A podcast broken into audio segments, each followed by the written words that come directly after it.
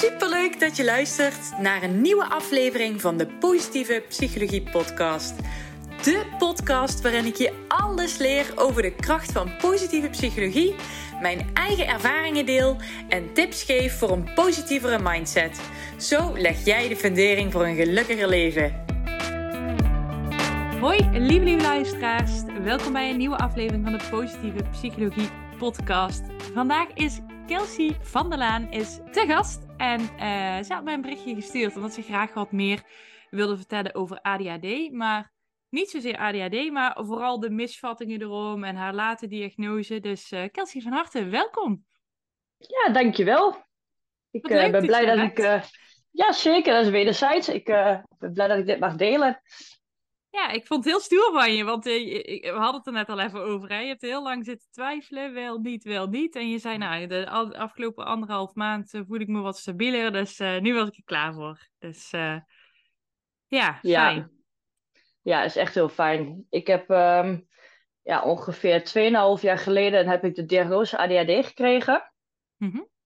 En um, ja, goed, weet je, dat, er zijn heel veel misvattingen inderdaad over ADHD. Dus daar wil ik zo meteen um, het een en ander over vertellen.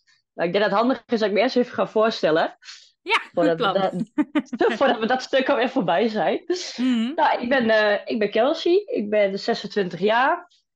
En um, nou goed, ik um, werk zelf als hulpverlener in de GGZ. Dus ik help, ja, ik werk zeg maar binnen een gesloten instelling met cliënten met een lichtverstandelijke beperking en um, gedragsproblematieken. En ik help eigenlijk de cliënten de, de dag door, helpen dat ze dagstructuur krijgen, uh, dat ze naar hun behandelingen gaan.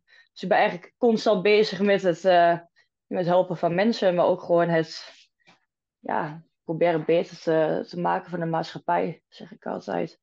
Lukt natuurlijk niet, maar iets toe te voegen aan de maatschappij, zodat, uh, vind ik wel een, mooi, een mooie zin.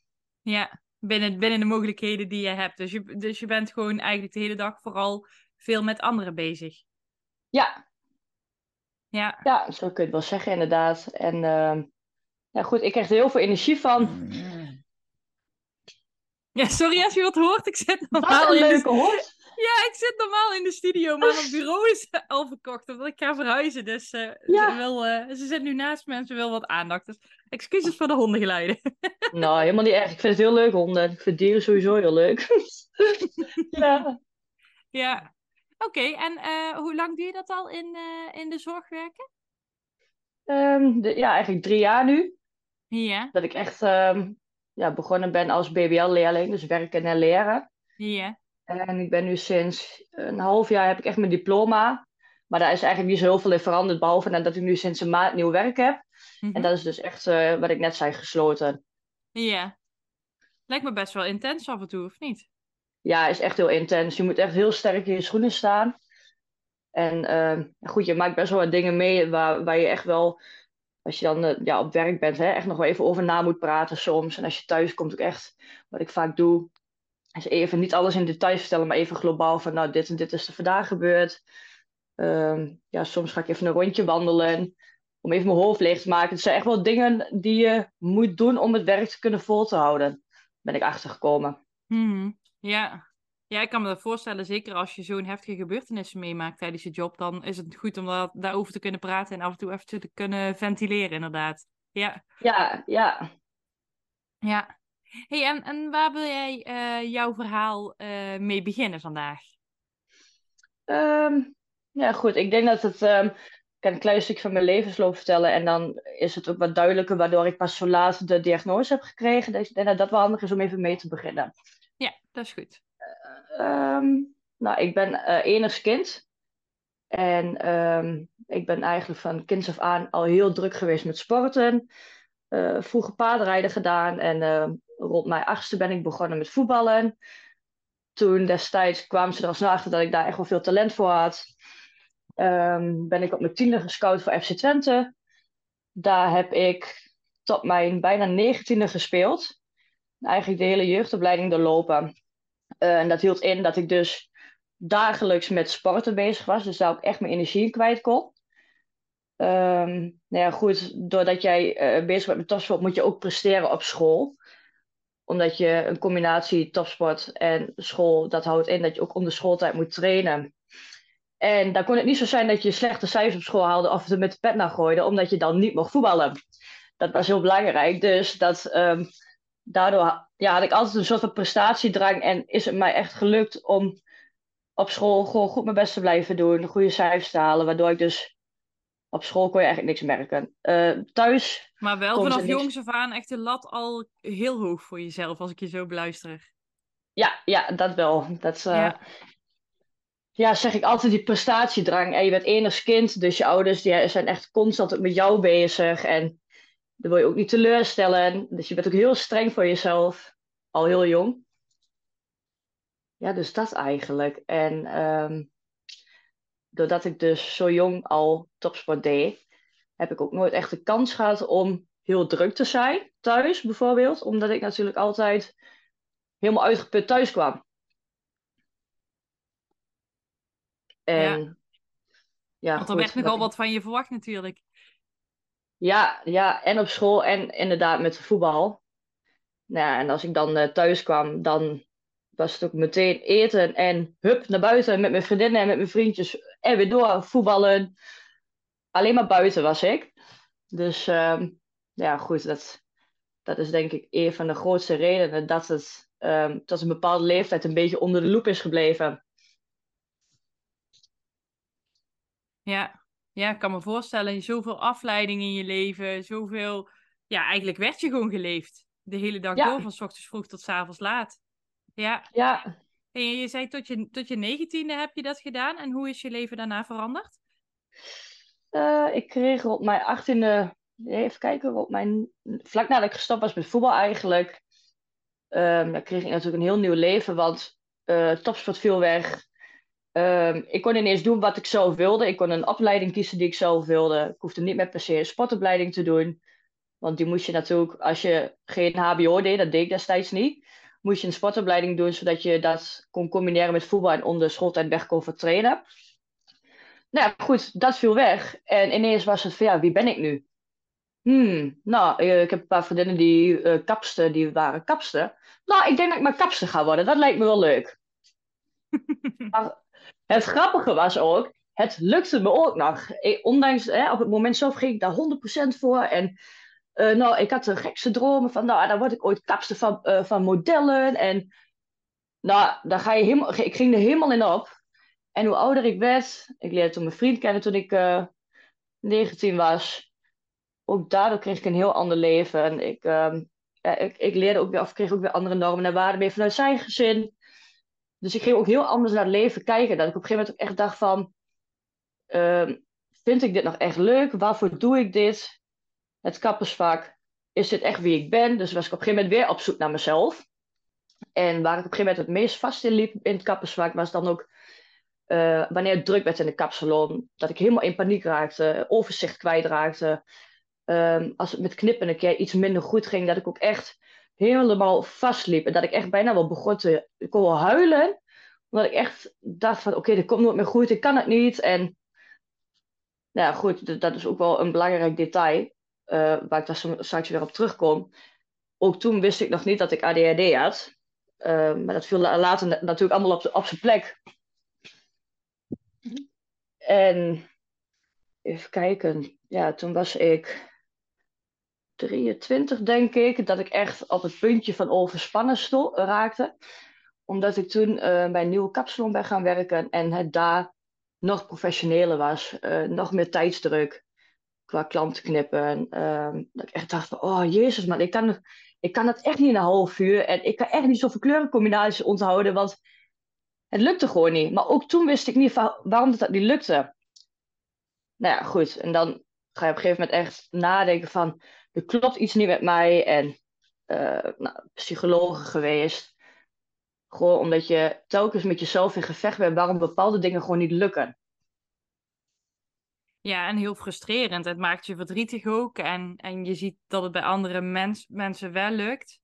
Uh, hè? Dus dat is dat voor jou dan eh, de reden geweest omdat dat je hulp bent gaan vragen. Ja, ja, En ja, toen kwamen er ook eerst wat andere dingen omhoog. Hè, de scheiding van je ouders. En ik heb toen een psycholoog gehad die zei van ja, weet je, uh, ik wil jou geen stempel geven. Dus uh, we gaan hier en hier mee bezig. Met voornamelijk de aandacht op scheiding van mijn ouders. En uh, ja, wat dwangmatige gedachten wat ik destijds had. Ehm, dat noem je ook wel de obsessief-compulsieve stoornis. Dat, ehm, dat je gaat handelen naar angstige gedachten, zeg maar. Hmm. En daar hebben, ze, daar hebben ze destijds eerst de aandacht op gelegd. Uh, daar therapie van gaat. En daar was, ben ik uiteindelijk gewoon goed vanaf gekomen. Daar hebben ze destijds niet de stempel willen leggen op eigenlijk wat ik nodig heb gehad. Oké, maar hadden ze het wel al door? Waren er toen al wat signalen? Heel eerlijk, ik heb het gevoel van niet. Oké. Maar het was, een hele, ja, het was een hele zweverige mevrouw, dat weet ik nog wel. Die het achteraf echt in de verkeerde hoek zocht. Ja, die heeft de verkeerde eh, invalshoek gepakt. Betreft jouw ja. uh, problematiek. Heb, is jouw gevoel? Ja, is mijn gevoel inderdaad. Ze is achter ook iets heel anders uh, gekomen waar ik natuurlijk heel veel aan heb gehad. Hè, met, met die gedachten. En uh, ja, goed, daar is mij heel goed bij geholpen toen. Alleen nam de ADHD eigenlijk wel heel erg de overhand. Omdat mijn gedachten natuurlijk telkens door bleven gaan. Druk, druk, druk. Ja, dan wordt dat natuurlijk niet beter op. Um, maar ja, het punt is dat het, ja, dat het echt uh, de bom gebarsten is. Dat is eigenlijk drie jaar geleden toen ik met mijn vriend ging samenwonen. Um, ik zeg altijd grote gebeurtenissen in je leven. Dat um, bijvoorbeeld bruiloften of hè, het stukje samenwonen dan komen er ineens weer dingen waardoor je ineens weer heel ons, of instabiel raakt. Je, je valt terug in je, in je, in je oude gedrag, in je mm. vertrouwde. Ja, je vertrouwde, hoe zeg ik dat? Ja, je vertrouwde ja, manier van doen. Ja, precies. Ja, om maar weer iets te hebben om, om, om, om grip op te hebben. Ja, ja. ja. En um, ja, goed, toen gingen we ook nog met vrienden een weekendje weg, dat weet ik nog. En ik was helemaal, helemaal wild. Een vliegtuig. En uh, ondertussen aan praten. En daar weer mee bezig. En daar weer. En om vier uur was ik helemaal back af. En toen ging ik even naar bed. Zoals elke dag om vier uur moest ik echt even ontprikkelen. Dat mijn vriend op een gegeven moment zei tegen, uh, tegen mijn vrienden. Ik weet het nog precies. Ja, is toch niet normaal dat de vrouw voor 23 uh, om vier uur s middag moet liggen? En dat die vriendin van mij ook zei van ja... Um, ze, doet me heel erg denken aan aan mijn broer. Die, ja, die heeft ADD, maar die heeft echt precies dezelfde kenmerken. Nou, en op een gegeven moment, uh, s'avonds zijn hun weggegaan. En, mijn vriend en ik die bleven nog een nachtje. Zijn we daarover in gesprek gekomen. Toen zijn we eens even op Google gaan kijken, hè, symptomen. En, en ineens viel alles op zijn plek. Ja? Je las gewoon al, alle klachten in één keer waar je last van had? Ja. Zo, ja dat lijkt me echt wel bizar ja, en het gaf ook ineens een heel vrij gevoel. Ook, ook voor mijn vriend, maar ook voor mij. Dat ik echt dacht van, zou dit dan eindelijk datgene zijn wat ik nodig heb om verder te komen in, in mijn eigen ontwikkeling? Telkens mm liep ik vast, die wel mee gestempeld, dit, dit, dit, dit is niet goed. Dit heeft met de scheiding te maken. Maar uiteindelijk lag het hele probleem hier. Ja, was dit de, de verklaring uh, voor al jouw klachten eigenlijk? Ja, ja. Oké. En toen? Toen hebben jullie samen dat artikel gelezen en, en wat is er toen gebeurd? Um, nou, toen heb ik dus eigenlijk die week nadat we thuis kwamen, heb ik de huisarts gebeld en ook wel heel direct gezegd. En nou, ik weet nu precies waar het aan ligt. Ik zou graag een afspraak bij de praktijk ondersteunen maken, want ik denk dus dat ik ADHD heb. En eigenlijk heel vrolijk ook, want ik dacht, nou, dit zou eindelijk zoveel rust geven. En uh, nou ja, goed, uh, uiteindelijk bij de praktijkondersteuner geweest. Was allemaal al duidelijk. Een beetje op een lacherige manier. Hè? Maar nou ja, ik, uh, ik verwacht het ook wel. En uh, toen ben ik het traject gegaan. dat is echt, het was allemaal heel grappig hoor. Weet je, het is gewoon ook heel leuk om zo'n traject in te gaan. Omdat je ook heel lang al op zoek bent naar iets. Ja, naar antwoorden ook. Ja, toen moest ik dus op een gegeven moment van die testen doen, van die vragenlijsten. En dan kreeg je een observatie. Nou, die observatie dat ik wilde bij mijn benen trillen was. Nou, dat klopt, want ik kan echt geen moment stilzitten. Um, het tweede gesprek moest mijn moeder dus mee. Of alleen eigenlijk. En die kreeg dus allemaal vragen over vroeger. En ik weet nog wel dat mijn ouders altijd wel een beetje alles uh, zeiden van... Nee, gewoon druk kind. En uh, nou, je weet wel een beetje hoe dat, hoe dat vroeger ging. Hmm. En dat, dat mijn moeder ook in dat gesprek zat en echt zoveel dingen herkende. Dat ze echt dingen ging erkennen. En dat was voor mij ook gewoon een heel fijn gevoel. Want ik voelde mij daarin ook niet altijd gehoord. Dus um, ja, goed, dat hele onderzoek heeft al met al, denk ik, een half jaar geduurd. En toen kreeg ik uiteindelijk de diagnose. nog? Ja, ja, dat was ook in de coronatijd, dus dat allemaal ah, wat vertraging okay, Ja. Van het begin van de aanmelding tot, uh, tot de uitslag uh, half jaar ongeveer. En eigenlijk begon toen alle, nou, ellende wil ik niet zeggen, maar toen werd alles ook veel erger. Want ja, je gaat natuurlijk heel erg bezig met iets. Uh, je haalt dingen daardoor omhoog, waardoor het ook erger gaat worden. Want het moet altijd eerst erger worden voordat het beter wordt, zeg ik altijd. Hmm. Dat heb ik ook echt gemerkt. Ja. Maar wat bedoel je daarmee? Ik haalde van alles omhoog.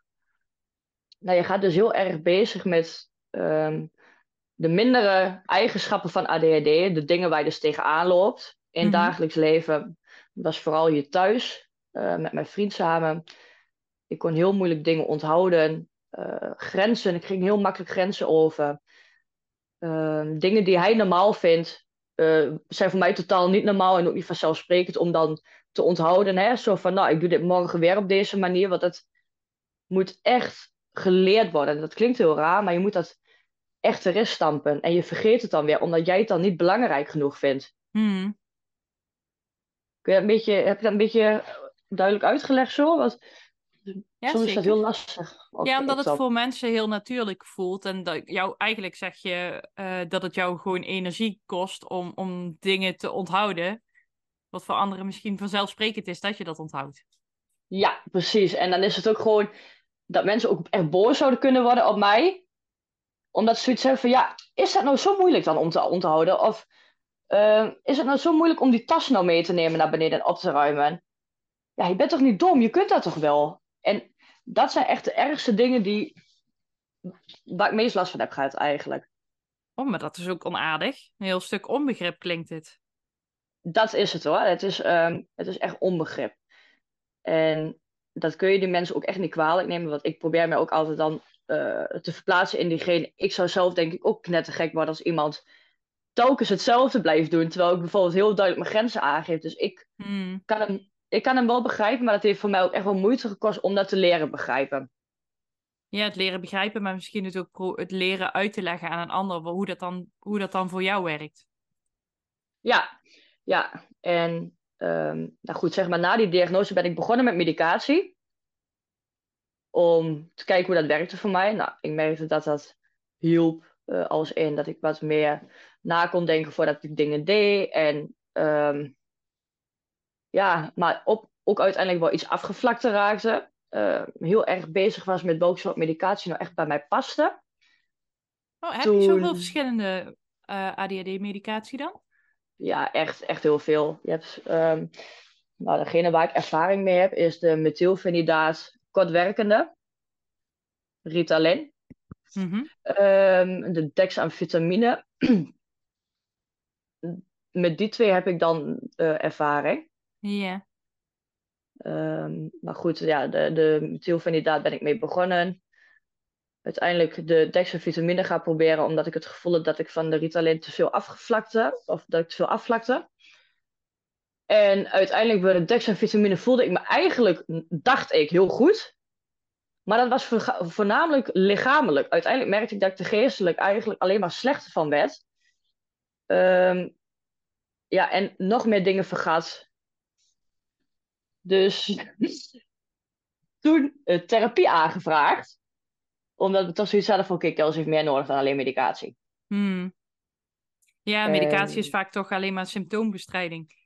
Ja, zeker, zeker. En als je hem combineert, dus bijvoorbeeld nu die therapie erop hebt zitten met een medicatie, dan is het eigenlijk, werkt het heel goed. Um, ja, ik kan best eventjes uitleggen hoe dat dan staat. Ik heb zeg maar vaardigheidstraining gehad in een groep met allemaal volwassenen. Um, waarbij allemaal hoofdstukken afgaat. Uh, een stukje financiën, een stukje plannen, administratie.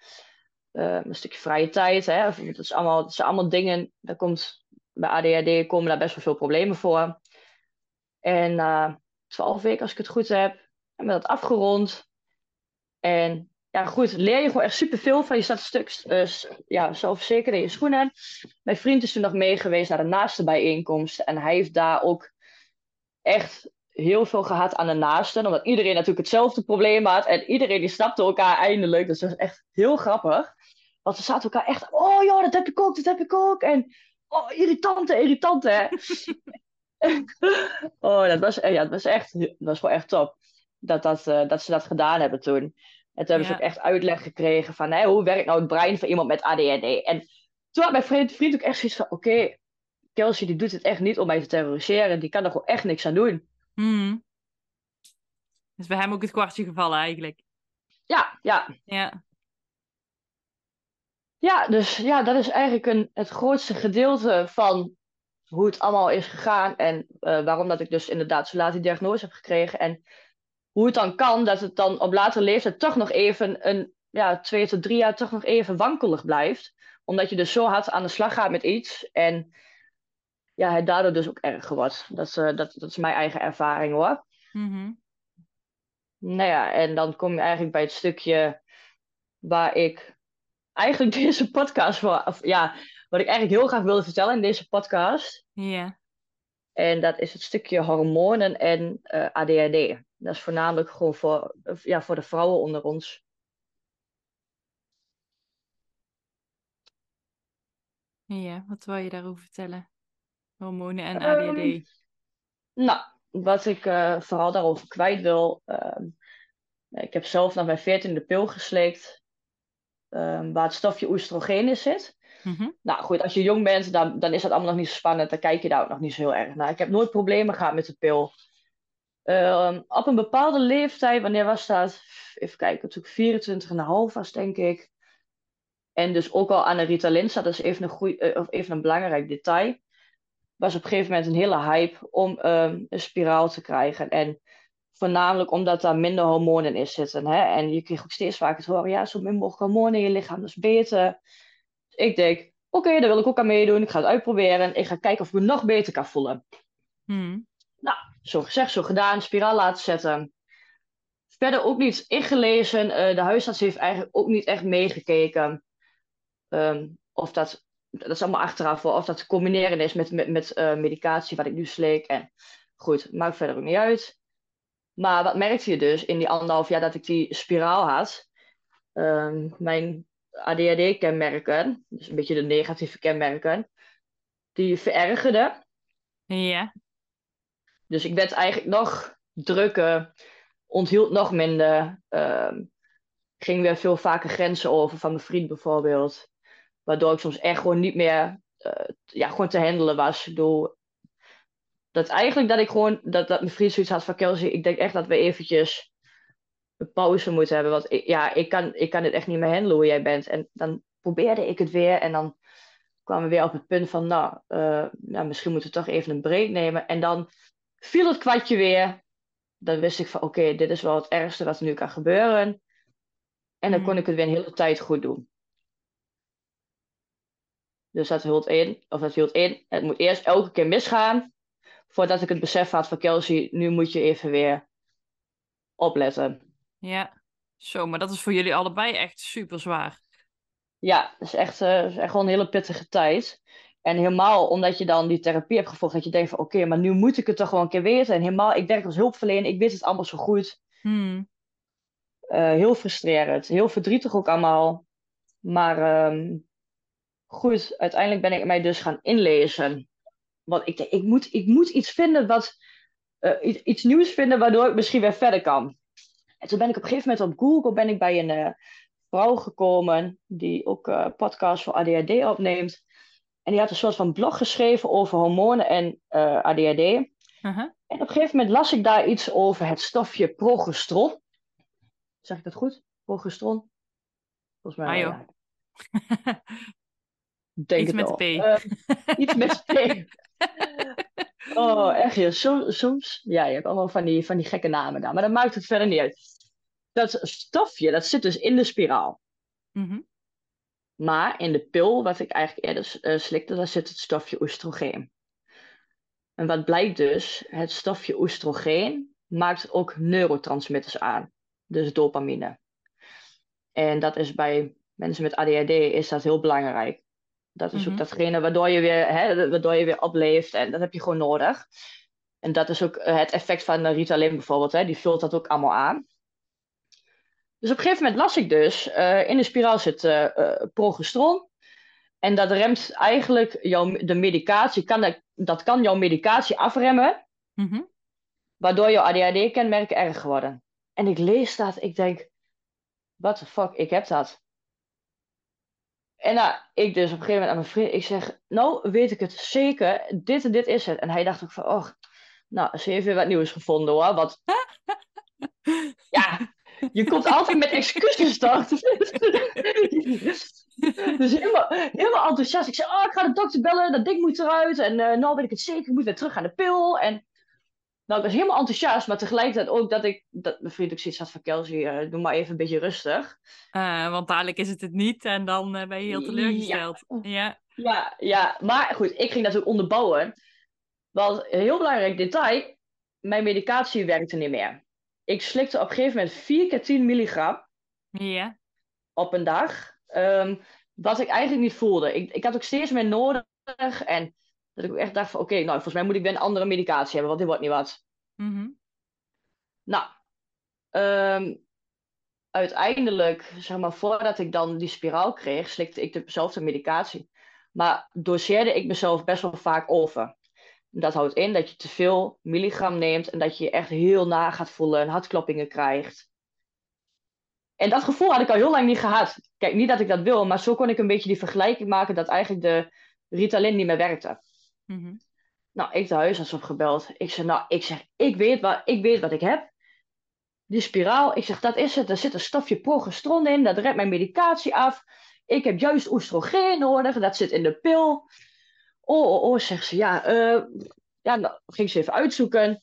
Uiteindelijk konden ze niet echt bevestigen dat dat het was, want um, de pil en allemaal dat soort dingen worden op vrouwen getest met, om het even zo te zeggen, een normaal brein. Hmm, Oké, ja. Dus, dus, niet met, vrouwen met ADHD waar het anders werkt. Mm Nou heb ik dus uiteindelijk uh, twee maanden geleden heb ik de spiraal laten verwijderen. Ben ik weer teruggegaan aan de pil. De pil die ik eigenlijk altijd gehad heb. Ja. Nou, echt binnen een paar dagen, ik nam mijn Ritalin, ik overdoseerde mezelf weer. En toen dacht ik van ja, nou weet ik het zeker. Dus de pil wat ik slik, daar zit dus uh, oestrogeen in, die dus neurotransmitters aanmaken. De therapie die ik heb gevolgd, heeft dus ontzettend veel goede invloed gehad. Want ik slik nu bijna geen medicatie meer. Ik ben stabiel. Mm Sinds ik weer terug ben naar de pil. Dus het stofje oestrogeen weer in mijn lichaam heb en progesteron uit mijn lichaam heb. Oké. Dus jouw boodschap is, ruk je spiraal eruit. Je hierin herkent. ja, voor de vrouwen die, die, die, die, die, zich hier een beetje in herkennen. Of misschien wel tegen heel veel dingen aanlopen wat ik misschien nu allemaal heb uitgelegd. En telkens niet weten waar ze moeten zoeken. Kijk dus ook even naar je hormonen, want die zijn echt van grote invloed. En wat de mensen zeggen van nee, je moet zo weinig mogelijk hormonen in je lichaam hebben. Bij mensen met of ja, vrouwen zonder ADHD zou ik zeggen ja. Maar vrouwen met ADHD gaan dus echt heel goed op het stofje oestrogeen wat in de pil zit. Die maken dus extra neurotransmitters aan, waardoor je dus eigenlijk nog beter gaat voelen. Extra dopamine bedoel je dan, denk ik? Ja, ja neurotransmitters maken dus dopamine aan. En dat wil ik dus echt heel graag meegeven, omdat het zo onbekend is, dat er eigenlijk huisartsen het nog niet eens durven te bevestigen. Mhm. Dat is ook letterlijk wat ze zeiden tegen mij. Maar dat het wel goed in het plaatje zou kunnen passen. En hè, omdat ik het nu zelf ervaren heb en mij ook dus echt sindsdien zoveel beter voelt. Mijn vriend die ook echt zegt van Kelsey, je bent zo gegroeid deze maanden. Dat ik ook, ja, dat hij ook echt vertrouwen heeft in de toekomst nu. Dat hij dat ook durft uit te spreken. Omdat ik gewoon kan nadenken voordat ik iets doe. Uh, nou, een stapje voor bij mijn dingen. In plaats van dat, ze, dat hij moet zeggen van Kelsey, je moet dit en dit nog doen. Nee, ik hmm. heb het al gedaan, weet je wel. Dat, ja, ik was er eigenlijk best wel blij van dat het, uh, dat het zo is gegaan. En daarom was ik ook zo enthousiast. Ja, snap ik. Het straalt er ook vanaf. ja, ja. Hey, en hoe lang heb je die spiraal gehad dan? Ja, anderhalf jaar dus. Oh, dat is lang. Ja, en, en anderhalf, anderhalf jaar dus echt ook dat gemerkt. Hmm, oké. Nou, fijn dat, uh, dat, dat het nu lijkt alsof je het ei van Columbus hebt uh, uitgevonden. Nou, echt hè? Ja. Ja. ja hey, en, en wat ik trouwens ook mooi vind aan jouw verhaal, ik heb wel echt wel bewondering voor je vriend dat hij dan ondanks alles nog steeds naast je staat. Ja, echt. Is echt, uh, is echt een schat. En dan ben ik hem ook echt standbeeld voor hem maken. Ja, nou misschien wel. ja, dat snap ik. Echt, hij heeft echt zoveel geduld gehad en nog steeds hoor. Dat, uh... ja. Zeg, dat is echt. Uh... ik weet soms ook niet wat ik dan moet zeggen hoor, omdat ik dan gaat zoveel in mijn hoofd gaat om wat ik dan wil zeggen, dat het dan te veel is om uit te spreken. Hmm. Maar goed, hij had er al wel tien keer uh, kunnen zeggen van Kelsey, uh, pak je koffertjes maar in en ga maar weer terug, want ik trek dit niet. En elke keer dacht ik bij het geloof in mij dat het beter zou worden. Hmm. En daardoor hou je ook geloof in jezelf. Ja, zeker. Ja. Ik zie sowieso wel een bepaalde vechtlust in jou. Nou, ik je verhaal zo heb gehoord met altijd maar proberen te zoeken en dingen proberen te verklaren. En het kan niet zo, het kan niet zo zijn dat mijn leven zo is. Dus ik ga net zo lang door tot ik heb gevonden wat de oplossing is. Nou, dat vind ik wel stoer. Ja, nou, dankjewel. Ja. ja. hey, nou heel erg eh, bedankt voor het delen van jouw verhaal. Heb jij als uh, afsluiter nog, uh, nog een tip voor mensen die zich herkennen in jouw uh, verha verhaal? Uh, ja, nou vooral de mensen die eigenlijk denken ADHD te hebben of ADD en vastlopen met dingen. Uh, maak een afspraak bij je praktijk ondersteunen, want het is echt heel laagdrempelig. Ga in gesprek, want je kunt er heel veel uithalen. En soms heb je echt die stempel nodig om verder geholpen te kunnen worden. Dat. Dus, dat is eigenlijk mijn tip. Zoek hulp. ja, ja. ja. hulp is heel zwaar, vind ik. Maar het is, heel laagdrempelig een praktijk ondersteunen. En het is ook erg leuk. Het is echt ook goed voor je zelfontwikkeling. Je neemt het ook allemaal weer mee in de toekomst. Ik had zeg maar nooit gedacht dat ik dit zou doen, een podcast opnemen. Maar toch, dat is ook allemaal weer daardoor gekomen door een stukje zelfontwikkeling. Hmm. Ja. Ja, dus eh, als het woord hulp te zwaar is, ga gewoon even gezellig kletsen met de praktijkondersteuner. Ja, ja. ja een kop, nou, thee erbij, hartstikke gezellig. Een kop koffie? Helemaal leuk. Ja. Oké. Okay. Hey, nou, dankjewel nog uh, voor je tip en sowieso je openheid en je, en je mooie verhaal. Uh, en leuk en dapper dat je hier uh, te gast wilde zijn. Um, en jij heel erg bedankt voor het luisteren. En tot de volgende keer. Dankjewel. Doeg! Graag gedaan. Doeg! En bedankt. Heel erg bedankt voor het luisteren. Mocht je deze aflevering interessant hebben gevonden, maak even een screenshot, deel het in je story en tag me op Instagram. Mijn accountnaam is Eline Verbeek underscore online coaching. Zo gun je ook anderen een positieve mindset. En ik vind het heel erg leuk om te zien wie er allemaal geluisterd hebben. Tot de volgende keer!